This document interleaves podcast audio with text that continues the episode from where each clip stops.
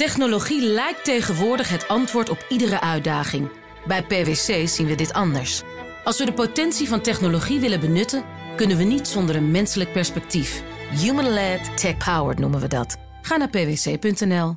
De column van Paul Lasseur. Kantoorhumor van Jiske Vet. Zaagmans kwam dit weekend langs. Om het jaar doormidden te zagen. De eerste helft van 2017 zit erop. En we kunnen tevreden zijn hoor. Over de afgelopen zes maanden. Want het gaat weer fantastisch. De tijd vloog voorbij. Time flies when you're having fun. De economie draait als een tierenlier. En we genieten volop van het goede leven. Alle rampspoed waar doemdenkers begin dit jaar nog voor vreesden, is uitgebleven. Niks terugval in een mondiale financiële crisis.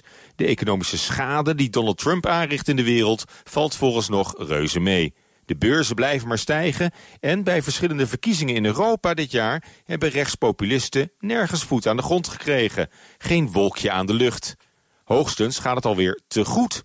Moeten we bang zijn voor bubbelvorming in vastgoed, in aandelen, in de bitcoin. Maar voor nu is dat een luxe probleem. Profiteer ervan, zolang het kan.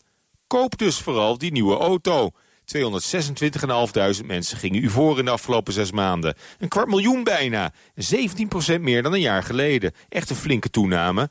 Ze werden weer per duizenden verkocht. De VW Golfjes en de Renault Clio's. Consumenten durven weer. Alleen de Britten die hebben enorme spijt van hun brexit-besluit. Het Verenigd Koninkrijk is het afgelopen half jaar diep weggezakt in politiek en economisch drijfzand. Maar ja, dat is hun probleem. In Frankfurt en Parijs worden brexit-vluchtelingen uit de city met open armen ontvangen. Alleen Amsterdam mist helaas de boot. Ambitieuze bankiers mijden onze hoofdstad als een ziekte vanwege het bonusplafond. Erkent nu ook minister Kamp van Economische Zaken. Desondanks hebben een schamele 13 bedrijven besloten activiteiten van Londen naar Amsterdam te verplaatsen. Samen goed voor iets meer dan 700 banen. Dat is grofweg één Zuidas-torentje vol. Toch wel wat mager, gezien de hoogdravende pretenties die Amsterdam zo graag tentoonspreidt. Als nieuw zakelijk en financieel knooppunt in de wereld. Dat gaat hem dus mooi niet worden.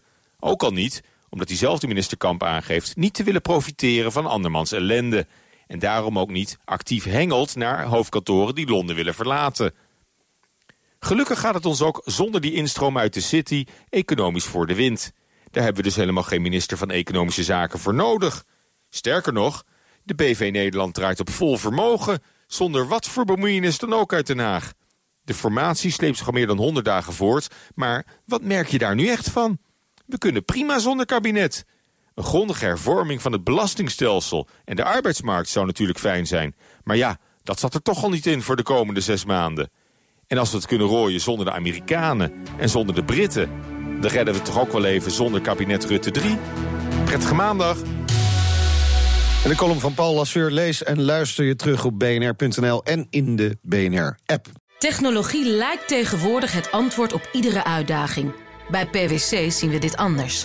Als we de potentie van technologie willen benutten, kunnen we niet zonder een menselijk perspectief. Human-led, tech-powered noemen we dat. Ga naar pwc.nl.